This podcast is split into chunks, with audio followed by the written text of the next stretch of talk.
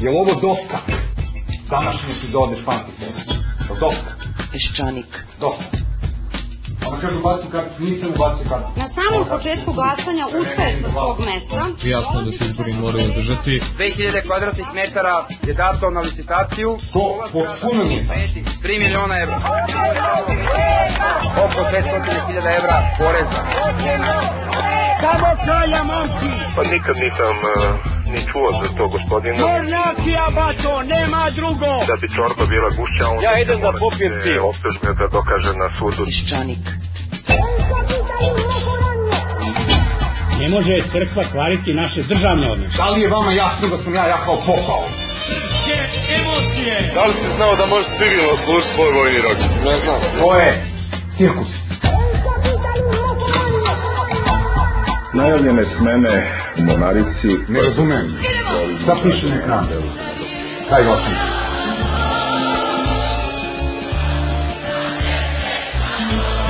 U toku istrage koja je započeta, su poslušani oni su spominju, pa ćemo vidjeti šta je prava istina. Peščanik.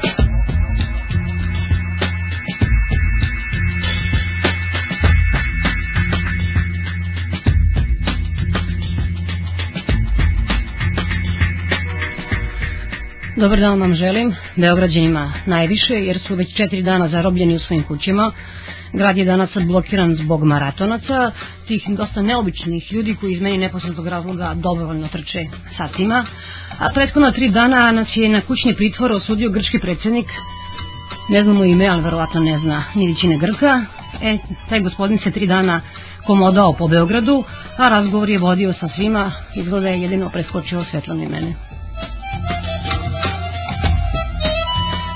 Neki kažu da je došao da nas grdi što ne završavamo koridor 10, treba im valjda za olimpijadu, ne shvatajući da naša ministarka za saobraćaj ima neke porodične obaveze, a da je čume u zatvoru, a da je njegov defense road sa sve mašinama za asfaltiranje dignut u vazduh i da nemamo čime da gradimo. Premijer Živković je danas bio na Fakultetu političkih nauka, tamo je pričao sa studentima i prove sate, možda još uvijek tamo ko zna, taj čovjek izgleda ne zna da ode i, i on i njegovi ministri izgleda imaju taj manjer da se od društva opraštaju malo kasnije nego što je pristojno i prirodno. Ovo je kraj Đin- Đinđićeve vlade koja je u stvari pala 12. marta a sada se uz nedolično otimanje slušala samo njena senka baš kao i one priče o Hazarima gde je senke kuća Hazarske prestonice još dugo nisu htjela da se sruše, iako su same zgrade već odavno bile uništene. Dobro, vlada je pala, ostaje nam samo da odgledamo sljedeća skupštinska zasedanja i slušamo podbriskivanje i likovanje nekih slaboumnih poslanika i da odslušamo predstavnike DOS-a kako cepte pravedničkim gnevom žrtve koja ništa nije skrivila. Ima mnogo racionalnih razloga zbog kojih vlada mora da padne, ali ima toliko viška strasti uh, i histeričnog, histeričnog likovanja kod onih koji ih obaraju. Neki budući srpski ministri ne mogu da se zdrže i pošto nije društveno prihvatljivo da se likuje nad Đinđićevim grobom, to je sebi mogao da dopusti jedino Boži zaslanik Amfilohije, sada likuju nad padom njegove vlade. Normalno je kažu da menjamo oni koji ne valjaju, ali morat ćete da priznate da u nekim slikama nešto nije u redu. Nije normalna slika u kojoj u parlamentu zahtev za smenu gospođe Mićić obrazlaže vojvatkinje Gordane Poplazić, koja ju je ne tako davno polivala vodom, a čiji je muž tukao članove Građanskog saveza koji su lepili plakati Miroljuba Labusa u vreme poslednje predizborne kampanje. Nije normalno da danima sve oči budu uprte u Slobodana Orlića, šta li će socijaldemokrata Karićevske provincije da odluči. Nije normalno da na konferenciji za novinare u Sarajevu Željko Mitrović promoviše Pink International, Pink za BiH, a da pored njega sedi predsjednica Helsinškog odbora Sonja Biserko i novinar Petar Luković. Na kraju krajeva nije normalno i da na televiziji B92 govori Žarko Gavrilović koga se i ovakav kakva je crkva odrekla.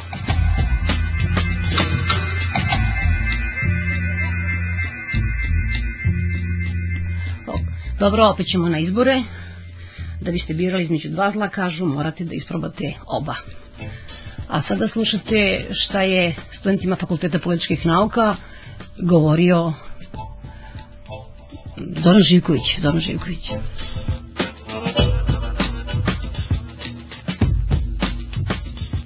Prosječna plata je danas 180 evra u ovoj državi, ali realno četiri puta je ta plata veća i realno ona jeste nominalno i realno veća nego što je plata u Bugarskoj i u Rumuniji, moje dve omiljene zemlje, zbog moje optimističke priče da sa njima možemo da postanemo zajedno članovi Evropske unije 2007. 8. 9. ili 10.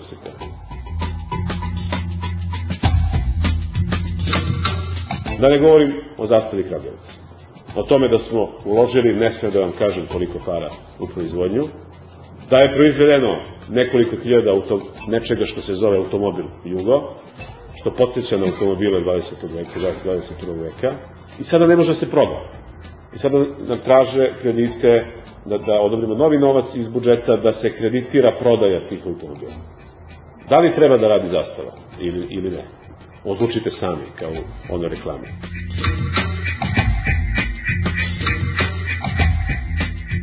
Opravno je pitanje nekih od, od vas, a ko je tebi, Zorane Živkoviću, rekao da možeš da radiš ovaj posao?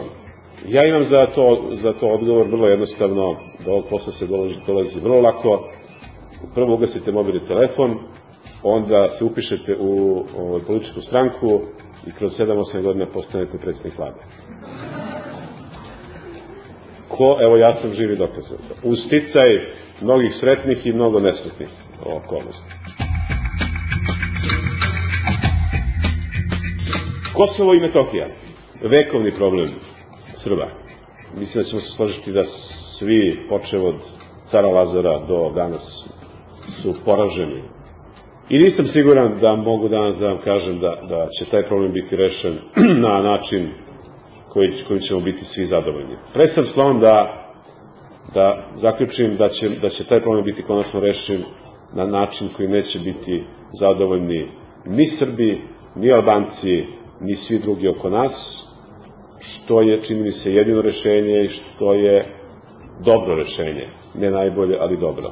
Ono što je sigurno, to je da vas ova vlast neće, sigurno se bi bilo koja je sledeća, demokratska, neće terati da svojim telima branite zablude nekih političara. Da li, gospodine Živkoviću, slušate i koja vam je omiljena pesma? Pa ako biste na Cecu Slavković, ovu Natiku Slavković, a i nju ne sluša mnogo. A omiljena pesma u zadnje vreme pada vlada. E, kao pesma, kao jedan umetnički doživljaj, da. Kao realnost ne.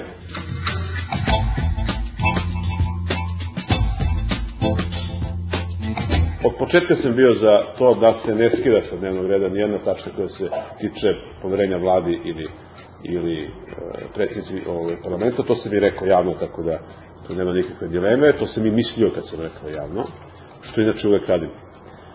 Da, da vidimo šta će reći opozicija, šta je to pogrešila predsjednica parlamenta, a onda će reći šta je radila. I bit će mi normalno e, savršeno interesantno ono što će se dešavati u raspravi o poverenju vladi, jer tu ja mislim da, da je opozicija napravila veliku grešku. Ona može da ponovi ponovo 5, 6, 7 imena oko kojih se vuku afere, a vlada će imati stotine sati, ako bude potrebno, vremena da ispriča sve ono što je vlada uradila. Ne mislim da nema razloga da bežimo ni od izbora i ja sam siguran da će nama iz demokratske stranke 2004. 5. i 6. godina biti godine kada ćemo i dalje biti u odgovornosti za vršenje neke, neke funkcije u ovoj državi. Mislim da vrlo iskreno, a ne znam da li je to objektivno, a to, to ćete vi da procenite, Demokratska stranka ne može da sprovede sama reforme u Srbiji, ali niko ne može da sprovede reforme u Srbiji bez demokratske stranke. A sada slušate ekonomistu Miroslava Prekopijevića. Gospodin Prekopijević radi u Institutu za evropske studije. kad god vlada ne radi sadržane stvari, birači imaju pravo da traže da ta vlada ode u nadi da će naredno biti bolje. Čim se pitate da li neka vlada treba da ode, malo gledati ko treba da dođe. Sad, ovde kad pogledate ko treba da dođe, s jedne strane su vam obrani drugovi, a s druge grupa socijalista iz G17. Znači, ne valja ni jedno ni drugo.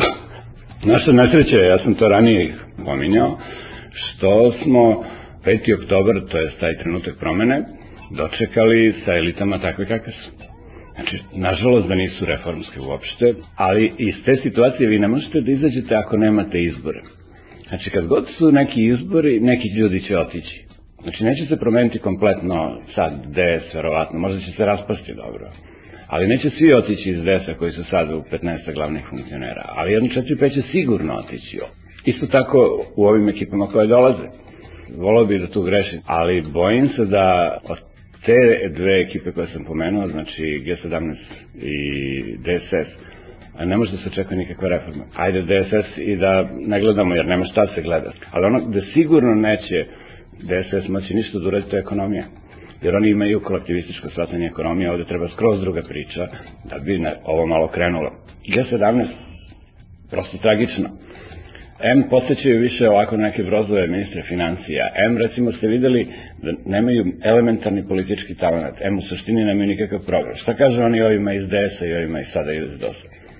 Oni ne kažu vi niste sprovodili reformu. To ne mogu da kažu jer i sami učestvovali dve godine u tome i dok su učestvovali sve je bilo super. Kad su pali počeli su kao da se komešaju malo kao pa ne znam nije ovo u redu, nije ono u redu. Ali oni u suštini ne kažu ne valja ovo što ste radili, mi imamo ideju za reformu i ona izgleda ovako i ovako.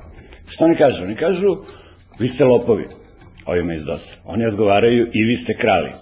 Ovi iz G17 odgovaraju onda, da, ali vi ste krali više. To je tragično. Onda sada evo neki dan, tamo se neki preknjižio koji se preknjižava već peti, šesti put iz neke stranke, pitaju ga šta ga je prevuklo u programu, kaže izvinjam se, nisam stigao da pročitam. Znači, kad neko radi takve stvari, to su prosto stvari koje pokazuju elementarno odsustvo političke sposobnosti. A ova je situacija koja je jako teška i koja traži, ne prosečnu sposobnost, traži majstore.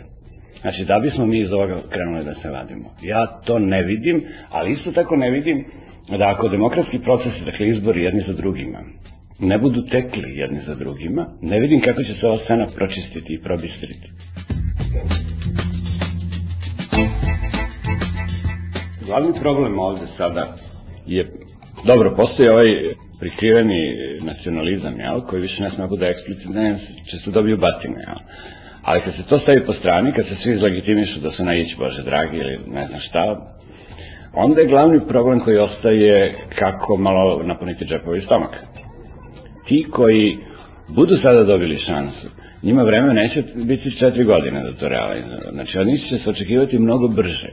I bit će im prilično teško jer donacija i strani kredita, donacija praktično više nema, a krediti su u padu, odnosno mnogo smo se zadužili sada, a nismo ništa napravili, jer je sve otišlo praktično u potrošnju i u neke neproduktivne stvari, znači na onaj dug koji smo imali dodali smo preko 3 milijarde, a dug nam je već spoljni dug u iznosu od praktično brutonacionalnog dohodka godišnjeg, što je situacija u kojoj više malo ko će vam dati kredit. Znači, sada se e, za narednu ekipu vreme ubrzava i to samo znači da ovi koji naredni budu izabrani sigurno neće dočekati mandat ako se neko čudo ne desi pa se preobrace u reformiste i krenu stvarno sa potezima za koje je očito da kroz dve godine, tri godine počet će da donese rezultate. Politički je najgore, neki moji prijatelji kažu što je uništena nada.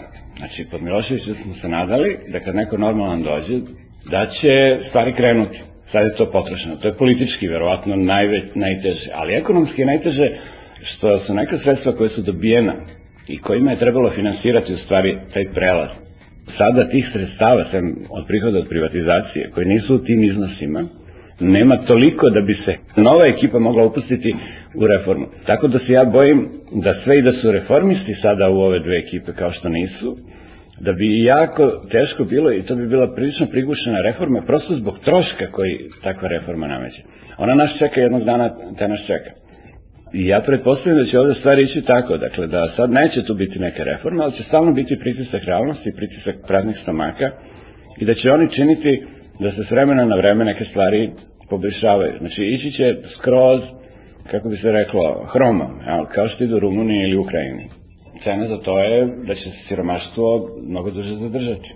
Znači, ako imate stope rasta od 7% dugogodišnje, što nije nedostižno, vam treba 10 godina da udvostručite životni standard.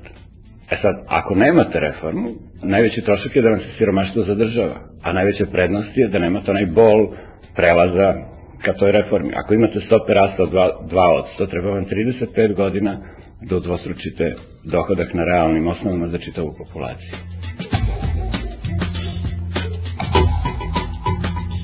Meni se čini da će G17, to je moje očekivanje, biti najveći dobitnik ovih izbora i da će biti najveći gubitnik narednih. Zato što će i vrapcima onda postati jasno ovo čemu ja sad govorim. U čemu je problem? Evo samo da dve stvari uzmemo. Što se tiče ekonomije, njihov ključni problem je što ne mogu da se reše etatizma. To znači, ministri i dalje upravljaju privredom, direktno ili indirektno, sasvim sve jedno. Ministri ili guverneri odlučuju koliko će biti banaka, jel? pa onda dođete ovde u Rafajzen i za naučavanje čeka vam traže 30% vrednosti čeka. A Rafajzen u, u Sofiji vam naplaćuje za istu vrednost čeka samo faks do Amerike. Zašto? Ko je tu kriv? Pa to je kriva država, odnosno centralna banka. Dakle, o, oni jednostavno imaju tu staromodnu viziju gde država se meša u privredu, gde nema visokog nivoa ekonomskih sloboda. Čim nema ekonomskih sloboda, to znači da je poslovno okruženje loše. Gde je poslovno okruženje loše, nema ulaganja. Ako to ne možete da napravite, vi upravo za ono zašto tvrdite da ste stručnjak, u stvari ste nestručnjak. Jer pričate jezikom 60. godina. Drugo, iz te ekipe je sve ovo što je bilo protržišnje praktično otišlo ili se pasivizovalo. A mislim na Zavađila, mislim na Branka Milanovića, mislim na profesora Kovačevića, mislim na Ljubo Mađara i tako dalje. Dakle, to je sve diglo ruke od te cele priče. Što se tiče pravnog aspekta, sticam okolnosti sam bio na raspravi koju su oni organizovali o Ustavu. Ključni ustavni problem u svakoj zemlji je da Ustav mora da bude ograničavanje vlasti. Ne možete vi Ustavom da kažete da su političari ovlašćeni da brinu o našim pravima i da nam daju prava. I ako nam daju, mogu da nam uskraćuju. Nego mi, obrnuto, mi imamo prava, oni brinu o prekršiocima tog sistema pravila. Na toj čitavoj raspravi reč odgovornost nije pomenuta. Znači, ekipa koja se preporučuje da bude reformska, koja izlazi sa nekim predlogom svog nacrta ustava i koja to nije shvatila, nema šta da traži. Nema šta da traži. Ja pretpostavljam da će se u celoj a, narodnoj igri stvar ponoviti. Znači, nisu ovi tako iskvarili karaktere koji i onako nisu bili bog zna u prethodnom periodu, zato što su barabe, nego zato što su im prilike dopuštaju. Pretpostavljam da, pošto se inače reč odgovornost, rekoh, nije pomenula, da će on imati tu istu politiku. Imaće mali problem sa obranom i drugovima, jer tamo, zbog legenda o poštenom šefu, ne može baš toliko da se krade. Jel? Postoji jedna dobra osobina, recimo, kod Labusa, on je kao političar inkluzivan, ja ga sećam ranije iz DS-a. Znači, on je uvek dobio Đinđića veći broj glasova na unutrašnjim izborima, zato što je prosto inkluzivan čovjek koji privlači glasove. Naravno, svakome treba svaki glas, ali vi ne smete da radite tako da idete ka grupama koje se međusobno sigurno isključuju. Znači, katastrofalna je greška ako vidite u, u ime nekog um, svetovnog svatanja države i u kontekstu uopšte jedne vrlo nesrećene istorije, gde crkva je odigrala neslavnu ulogu, iako vi govorite o nekakvim modernoj ekonomskoj i pravnoj viziji države i odete na Hilandar. Tu je bilo mnogo gafova. To samo pokazuje nedostatak političke sposobnosti.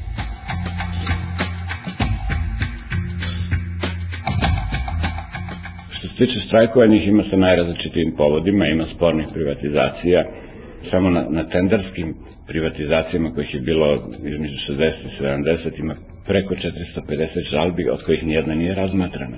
A na čelu te komisije koja treba da ih razmatra je jedan od ministara, koji inače nije privredni takozvani ministar, nego je skroz druge branše, obrazovanje. Ovo sa US stilom, to je skroz druga vrsta, to je nastavak, je mislim, samoupravnog sindroma. Ljudi koji tvrde ja sam podizao ovu fabriku, on ne razlikuje šta znači biti zaposlen u nekoj fabrici, a šta znači biti vlasnik.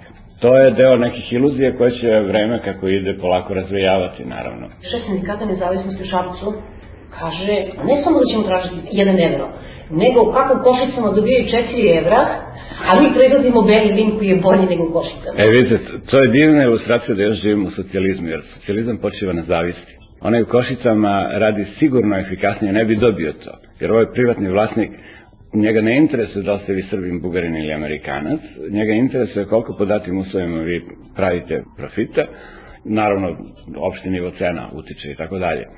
Ovaj način razmišljanja gde on poredi sebe sa tamo u Poljskoj, on govori u stvari koliko je jako osjećanje zavisti. Zavisti je jedna vrlo nesrećna, nesrećno svojstvo. Ne samo što, zato što ima ružne manifestacije, nego što je zavist takva osobina koja sve pojedince u nekom društvu dovodi u relaciju. Kapitalizam tu stvar prekida. Kapitalizam, za razliku od socijalizma, ne počiva na zavisti, nego na pohlepi. Ali kakva je ona? Vi jurite svoj cilj. Danas imate 5 dinara, sutra 15, pa 25 i tako dalje. I šta je bitno u toj stvari? Bitan je samo onaj opšti okvir da vi ne kradete to nekome, da vi ne prebijate nekoga i ne otimate mu i tako dalje. A to koliko ćete vi da ujurite vaša privatna stvar i srećan put. I zbog toga kapitalizam prosto istorijski je prohodao, a socijalizam nije nikad. Mi uvek volimo da imamo Mercedes ili Sony televizor, ali nećemo da usvojimo načela koja dovode do toga da vi to možete da zaradite. Znači, mi smo u nekoj biti ostali od tih socijalističkih društava neko šminkersko društvo. Ja.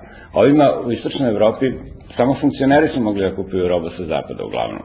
Ovi ostali su morali da kupuju domaću industriju i ovo što se uvozi iz bratskih socijalističkih zemalja. Ovde je otvoreno, dopuštena ta mogućnost i mi smo pomislili da to može stalno tako da vi prosto imate mnogo više životni standard, mnogo kvalitetnije uređaje koja koriste tokom života, a da nikad ne usvojite ta načela. E to je sad došlo u strašan nesklad. Mi vidimo jednostavno da ta stvar neće moći da prohoda i sad je stvar nacionalnog učenja, gde moraju i elite malo u školu, to su elite gde ćete redko naći političara od prvih desetak u nekoj stranci, koji je proveo recimo dve godine na polju, da zna kako stvari funkcionišu u jednoj normalnoj državi.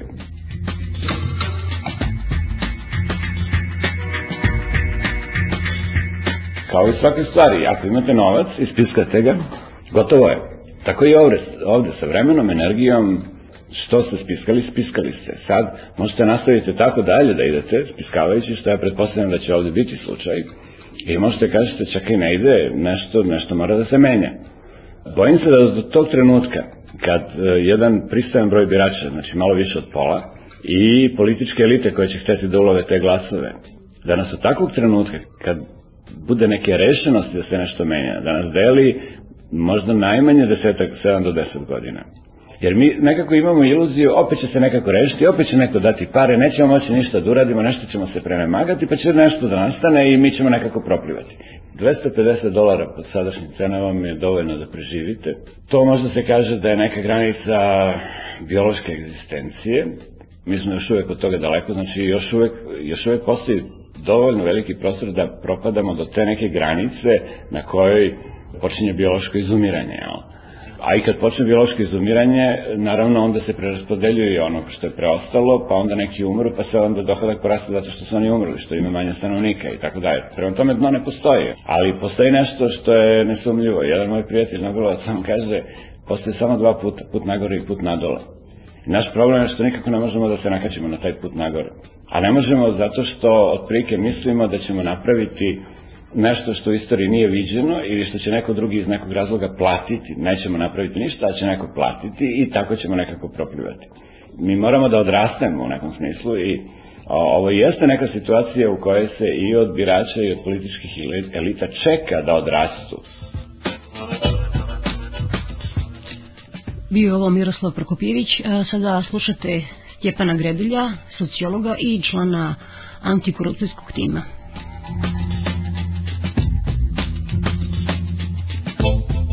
Ono što je bilo do 2000. godine bilo kako je bilo, pa smo imali gotovo crno-belu sliku. Sad je teško se opredeliti šta je crno, šta je belo. Zapravo mislim da belog uopšte nema. Priča, mantra koja dve godine ide, sve će rešiti varani izbori. Ajde da vidimo i to čudno nek se desi. Samo pitam se, ko će na tim izborima se pojaviti, pobediti i biti bolji? Biti alternativa ovome. Ja iskreno ne vidim i zaista kao građanin sad kad bi sutra bili izbori ne znam za koga bih se opredelio. Najverovatnije za onu najveću kategoriju neopredeljenosti. Dokle došlo? Dokle došlo, verujte. Možete mi ponuditi alternativu. Evo, da, da mi kažeš tako kao prijateljski, ko bi mogo biti bolji? Ja se bavim time dugo, i analitički, i istraživački, nikad nisam bio zdvojni. Ne vidim neko sreću na kraju tunela.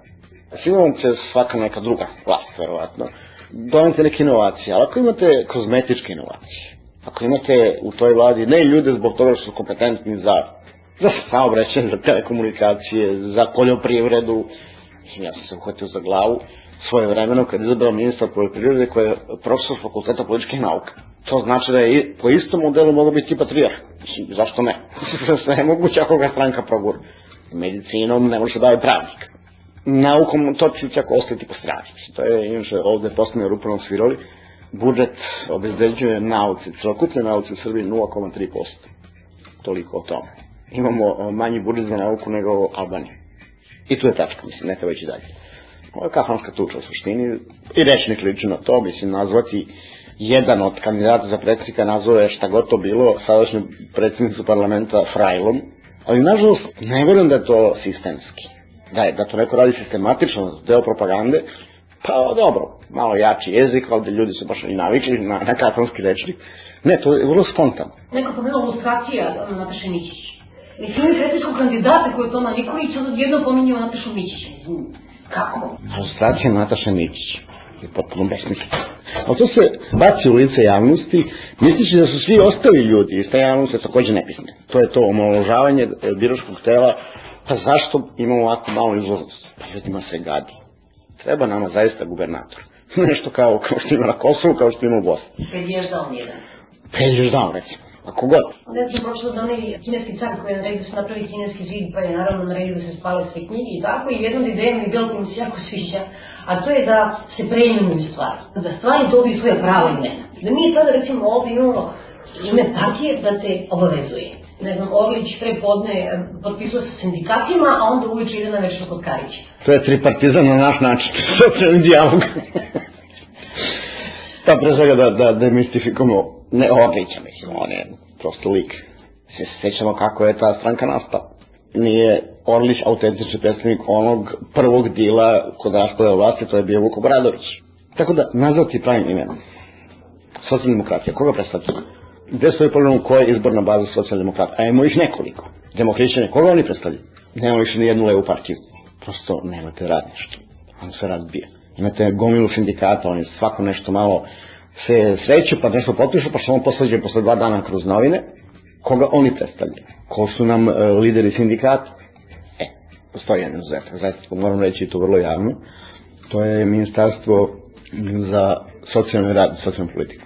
Najteža je obaveza gospođe Matković koja postoji u ovoj zemlji, onako kako radi ona i njen tim.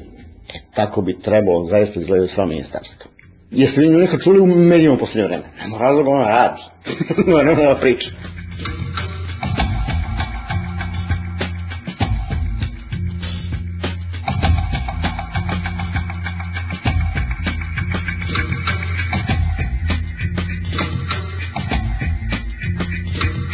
Radim u ovom sajtu sa antikorupcijom, imamo tolika brda materijala koji imaju najdirektnije dokaze o svemu tome. Jedino je problem što toliko neće da pokrene. Savjet je sad poslao preko 100 slučajeva. Ali onako, najotvorenijih mogućih, mislim, sa, sa dokazima, svedocima, šta god vam treba, ide zastane na tužilaštvu. Mi smo onda imali razgovor sa gospodinom Đonjom Ostojićem, te je rekao da će nas na otprilike sedmičnoj bazi obaveštavati koji od slučajeva, na primer, nalaza budžetske inspekcije, što je državni organ ministarstva financija, gde je dokazano kako je budžet zloupotrebljavan. Da se obaveštavati koji je proces pokrenut. To je bilo predno mesec dana. Mi smo dobili još jedan izražaj što može biti nagovešte dve stvari. Da ignoriše svoje obećanje ili da ništa nije pokrenuto. Nema trećeg ja sam direktor instituta, znači na budžetu sam državna institucija, obrnite, okrenite jesam. I da istovremeno u istom prostoru otvorim privatnu firmu i radim istu delatnost. Prosto nezamislivo. A sad, ajde da to digamo na novog ministra. I šta se onda dešava? I onda kad ljudi vide da se gleda kroz prste i tako dalje, to jedan ministar, ministar K radi, pa što ne bih i ja. Ko je podno ostavku, na primjer, zato što se desilo u posljednje četiri željeničke nesreće, od koje su dve bile ekološke opasne. Zna se ko je za to odgovor. Ne, u Japanu bi ministar izvršio hejkiri, verovatno, da mu se to desi. To znači osjećaj odgovornosti za javno dobro. Ovde prosto javno dobro nije definisano. A to znači da ne postoji javno dobro. Ako nije definisano, onda je sve i ništa. A čim je sve i ništa, znači nije ništa. Još uvek se krčka u vladi. Zakon o stečaju. Mi ćemo sa prvo sve što isprivatizujete, što prodati, što nije, ne znam ja šta, a onda će biti donet novi zakon o stečaju, koji će važiti ne znam, samo za koga. I to je to. Društvena praksa traži vrlo brzo normativne promene, pa to je tranzicija. Ali sve se radi napak. Da ne, ne pričamo o vašoj ovoj radiodifuziji u suštini, odnosno o medijima. Sve tu doneto napak. Prvo, predosled treba biti zakon o pristupu javnim informacijama, koji takođe se krčka već dugo u vladi. Onda trebalo doneti zakon o slobodi medija. Onda zakon o telekomunikacijama, koga još nema ni na puškomet. Ali je prvi koji je donet, je donet zakon o radiodifuziji. Sa efektima koje znamo kakvi su. A nije pre raspodala frekvenciju za koju čujem da prete iz ovog saveta kakav jeste, da će biti vrlo skoro. Nije donet recimo zakon o reklamiranju. Jer šta je suština borbe za, za frekvencije? Ko ima veće pokrenunost, ima veći reklamni kolač. Gde sve to miš maš jedna krajnje deregulisana oblast. Prosto nije regulisana ili izgleda ne postoji politička naravno, volja da se to odradi. I sad će nastati otimačin. Drugo, ingerencije saveta, bez obzira sad na njegov saveta, su bukvalno diktatorski. No, on se birao na šest godina, oni biraju upravni odbor državnog, odnosno javnog servisa, biraju iz toga direktora, upravni i tako dalje. Znači, to je mogućnost, zakonski ratna mogućnost u velikog toga medijima i najveći deo tog zakona, ja sam čitao sve verzije koje su donošene, su sve sankcije, ali sankcije protiv novinara. Ali gde je tu zaštita publike? Od ružnih reči, od e, kiča, od nekulture, eto, to su zaista donosili kompetentni ljudi. I neki od njih su i u, i u savetu. Ali nelegitimnost tog saveta i ostale priče, ja računam da će se, verujem, da će se to promeniti, jer zaista je, to je još jedna od stvari s kojim smo se obrukali pred. A nas gledaju, ljudi ne, ne shvataju da smo mi pod lupom. Ali očigledno, znate, kad izvodite mesec zamrzivača, što je prethodni režim, ako nešto s njim uradite, ono će da se pokvari. I to nam se desilo.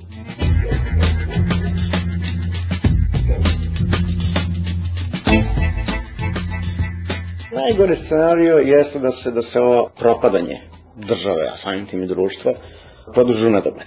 To onda čini da je teško sastaviti ponovo to što se razmrljalo na sve strane, bez velikih tenzija. To znači da se to razmrljeno društvo može pretvoriti u privatnu rulju, u rat e, svih protiv svih, jer siromaštvo je ogromno. Uvijek mi je ona slika iz neke 93. godine u glavi, ono otimanje oko hleba koji se delio, da su ljudi jednim drugim otimali hleb iz ruku. Siromaštvo je opasno i zato što je to otvoreno polje za političke demagogije, koji su obično ekstremisti, bilo koje vrste a kod nas je, čini mi se sad jači desni ekstremizam, levo gotovo više nema. Dakle, to je treća nezgodna posledica. Četvrta je beženje voza evropskog. Mi smo i onako, ohoho, zaostali u celoj priči. Više čak nismo interesantni, pa mislim zaista interesantni možda samo kao Monty Python cirkus, da, da ljudi gledaju te scene e, naših traktorista kao predsjednik kandidata i da kažu šta je ovo? Su normalni ljudi, su normalna država, kako će oni doći u naše društvo, mislim, na što mi to lično. Znači, to, to je možda najgora i najcrnja konsekvenca koje mogu da vidim. Jer više, ne može se više živjeti na prosjačnju. To se inače elegantno zove donacije. To će da presuši, polako presuši.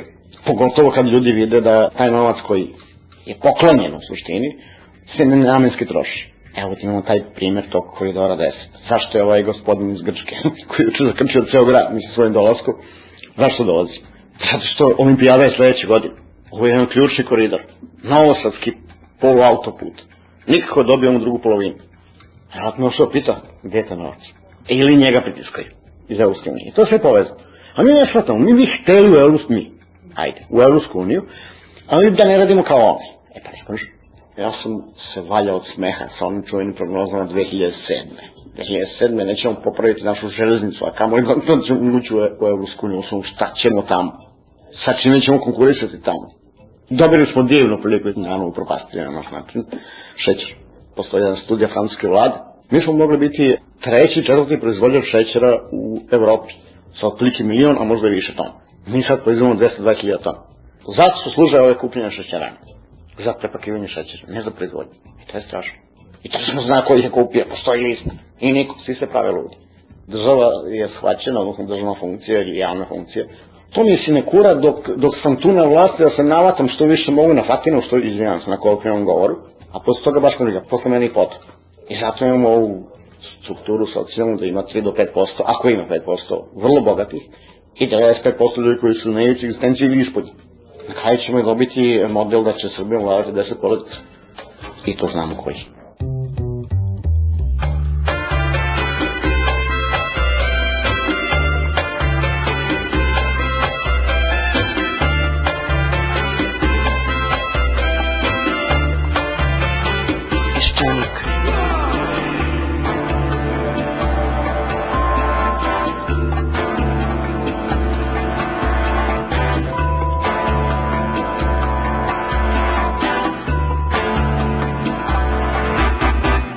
Malo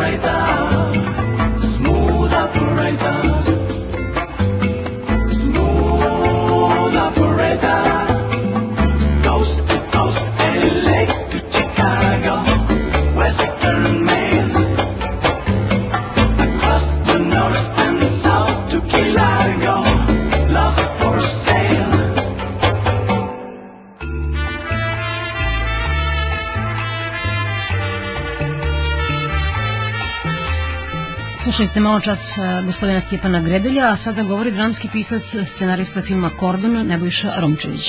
To su normalne stvari da vlada padne, to se kod nas sve sudbinski doživljava, zato što čini mi se još uvek nismo, nismo sigurni da radikali SPS sa još nekim ne mogu da sklope neku većinu i mislim da bi to bilo gore nego da sad Milošević direktno iz Haga dođe i sedne na budućem Mićunovićevom mestu kad vam neko otkrije aferu u vašoj vladi, treba da mu se zahvalite i da tu aferu dovedete do kraja, a ne da ne komentarišete. Živković se odlučio da ne komentariše, stvari su se prosto akumulirale, tako da i ljudi koji čak imaju ili su imali jednu istinsku blagonaklonost i želju da brane vladu po svaku cenu, više su izgubili argumente. I puno toga je zapušteno, zaraslo u intrige, tako da je stvarno trenutak, nažalost, da se ova vlada skloni. I mislim da je najveći gubitnik u čitavoj priči demokratska stranka. Da su nju pojeli sateliti, ona je gubitnik pre svega zbog toga što je izgubila svog prvog čoveka i da ona sada traga za svojim identitetom i da taj identitet ne može biti oličen u Živkoviću, jer on prosto nije taj... Da pojednostavim, njega kamera ne voli. On prosto nije taj tip čoveka koga kad vi pogledate kažete ovo je čovek koji vodi demokratsku stranku. Tako da je Živkoviću bilo praktično nemoguće da nešto ozbiljnije uradi, ali je mogao da uradi ono što premijer može da uradi, to je da razjuri one koji mu krnje integritet vlade. Možda se po prvi put moram pokajati, zato što sam stalno napadao Koštunicu zbog mnogo stvari, pretpostavljam većinom s razlogom, ali to njegovo pozivanje na zakonitost koje na kraju počela zvuči kao pokvarena ploča se pokazalo kao izuzetno važno jer kad se jedan put prekrše pravila pa drugi put pa treći put e, na kraju stvarno dobijete jednu anarhiju gde politička volja koja se formira ujutru uz kafu i, i umire uveče uz večeru. Znači svaki dan se formira nova politička volja stvara jednu potpunu konfuziju i u glavama građana a da ne govorimo o glavama političara koji ne znaju više kako da se postavljaju, jer kao što znate, osnovna karakteristika političara je da je vetrokaz, da se okreće kako vetar duva, ovi više ne znaju kako da se okrenu. Mislim da je stvarno nužno, meni je žao što su oni prinuđeni da raspišu izbore, a što nisu doneli odluku da raspišu izbore.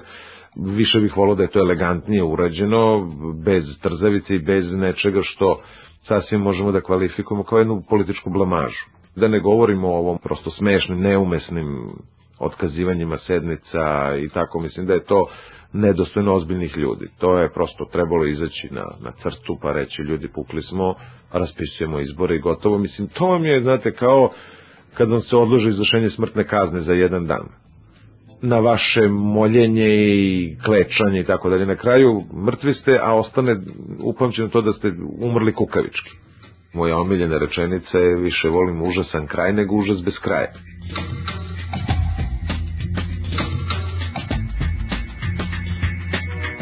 Ova Orlićeva stranka koja je odigrala sličnu ulogu koju je recimo su igrali liberali u Crnoj Gori, da su oni taj jezičak koji presuđuje između dve velike grupacije i koji se koriste bolje nego iko. Što ne izađete ranije iz vlasti, što ne napustite saveznu vlast, mislim nije ta savezna vlast na Marsu, a republička na Jupiteru. Mislim da je zbog toga dobro da se dođe do parlamentarnih izbora, da bi se prosto očistilo. Jedan put da politika postane veliki biznis, a ne jajarski pijačni biznis. Samo naivni ljudi veruju da neku politiku ulazi za dobrobit naroda i mislim da je to više, nema ljudi koji to veruju, odnosno ljudi koji će se razočarati ali kada to postane ono šibicarenje treće razredno, onda se stvarno čovjek loše osjeća kad dođe neki poslanik iz neke murtenice i znate da će on potpuno bez svoje zasluge strpati u džep 200-300 hiljada evra ili ne znam koliko para ili koje privilegije dobiti, stvarno on se zgadi život. To bi trebalo onda zaista na tendere stavljati poslanike pa da se tamo nekak pravila makar uspostave ali kažem, ne bih želeo da zvučem depresivno, ja stvar doživljavam vrlo pozitivno, da je dobro da se rasturi dost da bi se prosto znalo ko je ko, da se više prekine sa pričom o zaštitama tekovina 5. oktobra, mislim od toga mi se povraća, to stvarno više nikuda ne vodi i ne znam kako ljudi uopšte mogu da se takmiče ko je više reformista. To je ista priča kao ko je veći Srbin, samo drugo pakovanje, kako bi naš narod to slikovito rekao.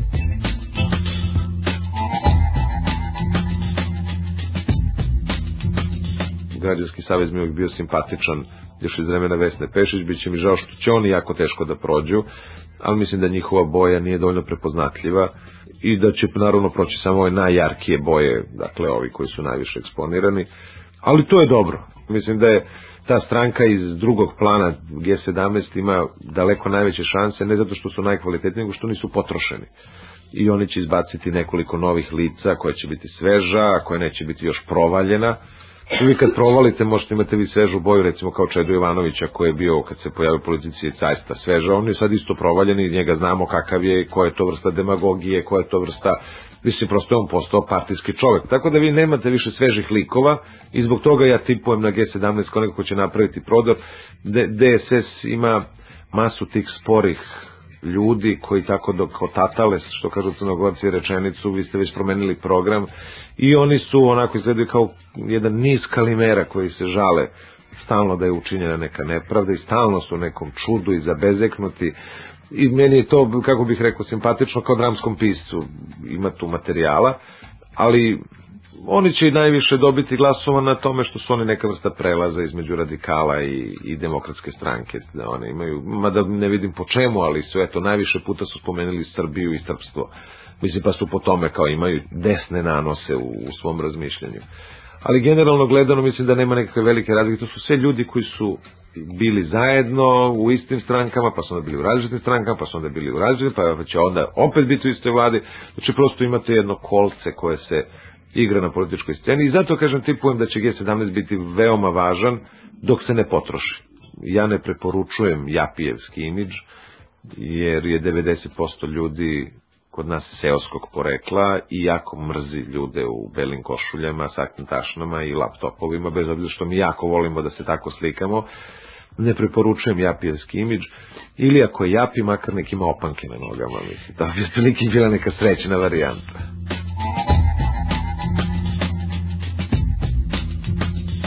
Sveđa se kad je on rekao Đinđiću Laki je malo nervozan, malo i Dinkić je, malo je suviše lepršav. On izađe kao što izlazio sa onim šarmantnim ospehom da najavi novu novčanicu toliko i toliko kao sad rodilo se dete pa da ga pokažemo. Sad malo izgledi, malo je, malo je suviše vragolas, malo je zlurad više nego što bi meni prijelo. Malo izlazi bokserski uvek pred kamere, kao neki urednik žute štampe, a sad ćemo da vidite ovo, pa sad ćemo da vidimo ono, pa onda, a onda ga Labus stalno kao neki ono mentor, ga stalno zauzdava ga polako i tako dalje. Mislim da bi mu bilo bolje da se bez obzira na očigledno da je temperamentan čovek, da bi morao malo da iskulira. To bi ga učinilo mnogo boljim političarem. Bilo bi mi drago da eksperti čine vladu, a ne nesposobni političari, jer mi je uvek strašno kada čovek ni po čemu nije bio poznat, a postoje ministar. To je kao jedna knjiga američka koja kaže najčuveniji ljudi o kojima niko ništa nije čuo. Kao što imaju ove iz DSS-a jednog neviđenog tipa, kako se zove samo trenutak, onaj mršavi, histerični. Sad je bio u kulturnom nokautu kod vas, koji stalno nešto srbuje, stalno je nešto, tako jedna, jedna budalina, onako preispoljna. A on je najtemperamentniji tip u DSS-u. Čovjek koji ni po čemu nije značan, osim po tome što ga je stranka gurnula da, da brblja gluposti u njeno ime. I kako čovjek onda da ne kaže da je politika substitucija za normalan život, za život ozbiljnog čoveka. Ceo život sam bio niko i ništa, e sad ću vam se vala krvi napiti. Tako da ozbiljni ljudi, ozbiljni stručnjaci jako teško tu priču ulaze. Kad se bude, ne znam, ispratila sudbina Đelićeva i još nekoliko tu kvalitetnih ljudi koji su u vladi, koji će biti prokaženi za čitav život, više posto toga nijedan ozbiljen ekspert neće ule, uletati u vladu. I onda ćemo imati te nekakve nesposobnjakoviće i inkompetentne ljude koji će od jedan put biti ljudi koji pregovaraju s međunarodnim fondovima, koji sede sa, sa ljudima o kojima su samo čitali da postoje na kraju će ozbiljni intelektualci i koji imaju političke ambicije svi da pobegnu u takozvane nevladine organizacije. Ruku na srce razumi ih, čujem da se tu najveća lova vrti. E, da li ste na bilo koji način potresni da smo videli otvaranje BiH i tamo su sedeli Željko Mitrović, a pored njega su sedeli Sonja Biserko i Opa, Sonja Petar, Petar Luković. Era Luka. BiH, da. Ja.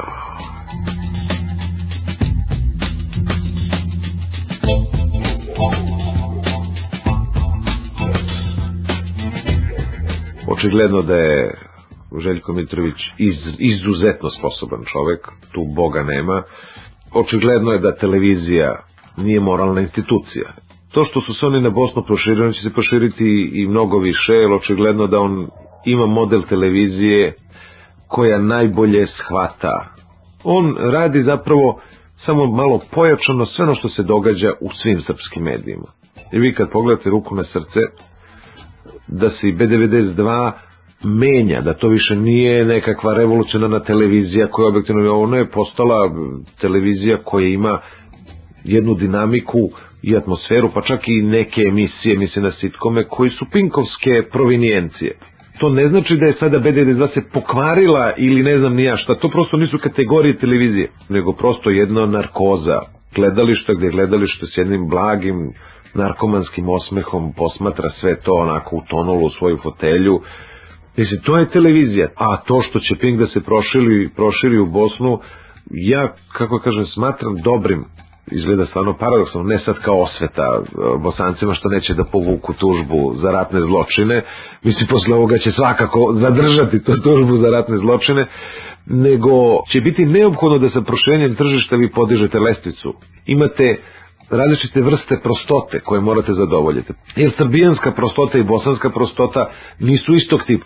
Tako da se prosto dovijate i ja mislim da će on napraviti, ne znam da li kažem nažalost ili na radost, jednu ultra profesionalnu televiziju i da će, što se tiče televizijskog novinarstva, definitivno prekratiti tu priču o moralnom stavu. Televizija uvek ide ka zaglupljivanju publike. I to je njen osnovni zadatak, da zaglupljuje publiku koja neće imati snage da promeni program kada vi ubacite 20 minuta reklama. Mislim, vi ćete živeti od tih reklama. Znači, treba vam publika koja ne menja kanal koji vi potpuno zaludite, koji će tu da blesavi. To je jedina televizija koja postoji. Željko Mitrović će biti jednoga dana medijski magnat Balkana. Samo čekajte kada ime Željka Mitrovića bude stajalo uz najveće srpske intelektualce u istoriji, da čovek koji je doneo nešto novo. Mislim da ljudi koji pokušavaju analitički nešto da obrade, ne treba da se čude zbog čega je Sonja Biserko uz Željka Mitrovića. Ona će doći na Pink i između spotova kako se zove, Ivane Banfić i, i ne znam ja koga pričati o denacifikaciji, mislim da je to mislim, s jedne strane vrlo zabavno za neko ko u tome vidi zabavu, a s druge strane najprirodnije. Znači, vi ćete biti uspešan po tome koliko vas ljudi gleda. Ljudi koji prvi izgube iluzije će najviše uspeti. Sada je profit politička volja i bit će tako zaovek. Ja mislim da je trka za profitom dobar stimulans, da je mnogo bolji stimulans nego moralna načela. Jer mislim, moralna načela se menjaju, ali ova se uvek broji na isti način. Desnom rukom i opljuni se.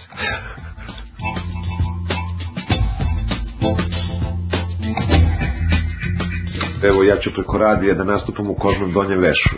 Kažete, evo sad da razgovaramo se Očiću u kožnom donjem vešu, Dona Karan je kreirala i onda će to biti zanimljivo. Šta ću da pričam je potpuno nevažno. Mislim, ljudi su izabrali Terminatora da je bude guverner. Prodaje se samo imidž. I to je jedino što postoji. I kreatori imidža su budući vladari sveta. A politički programi, te priče, pa to niko nikad nije ni slušao. Narod se nikad neće dosetiti da kupuje imidž. Uvek će misliti za toga kupuje neku vrednost. A zapravo će kupovati uvek jedno te isto. Uvek, stalno jedan, jednog te istog politička.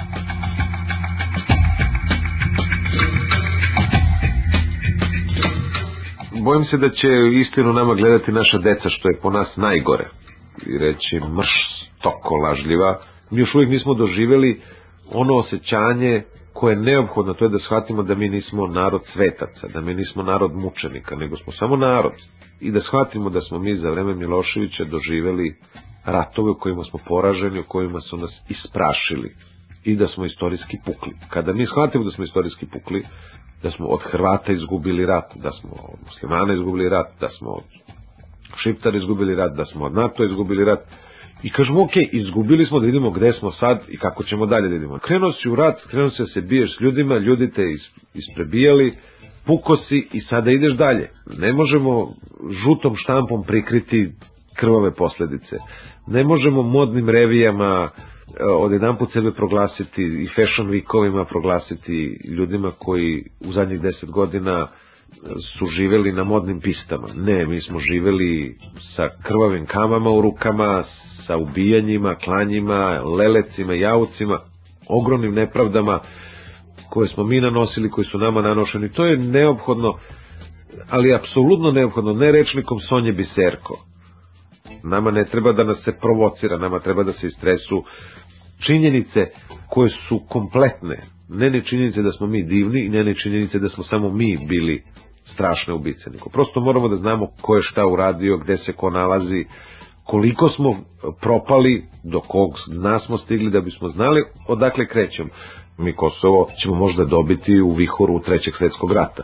Pa ako mi budemo na pravoj strani pa upadnemo tamo, mislim, na, po drugim osnovima mi na Kosovu nemamo šta da tražimo. Mislim, I to je izgubljena stvar. I to zaista treba hrabrosti da neko kaže. Ljudi, ovo mi sada vama zamazujemo oči, ili mi ne smemo da vam kažemo da smo pukli. Bio je Peščanik, uskoro će dnevnik za 2-3 minuta, u njemu svaštako na vašaru. Čućete priču iz Požareca gde su socijalisti i julovci preuzeli vlast od DS-ovaca i DSS-ovaca koji su se svađali. Naravno, nova vlast je razvirila sve funkcionere, sve direktore, a jutra se Požarevac osvanuo u plakatima Radovana Karadžića. Gospođu Plavšić su izgleda svi zaboravili, osim a, lista politike, najstreglista na Balkanu, politika objavila na prvoj strani njeno pismo iz zatvora gde se žali da joj pod okriljem mraka genocidni šveđani ubacuju zrak pod takvim pritiskom da hoće da je uguše i sušuju i sluznicu nosa, očiju, grla, to jest, kaže ona, hoće da me natraju da svedočim protiv Miloševića. Hoće da je ubiju i odećom, kaže, i to od sintetike koja se kod nas ne prodaje ni na buvljacima. Gospodin Plašić se guši iz dva moguća razloga. Ako je iskreno priznala da je odgovorna za smrt, onda je guše slike poklonih ljudi koji plivaju drinom, a ako je lagala da bi se izvukla guše rešetke, oči to.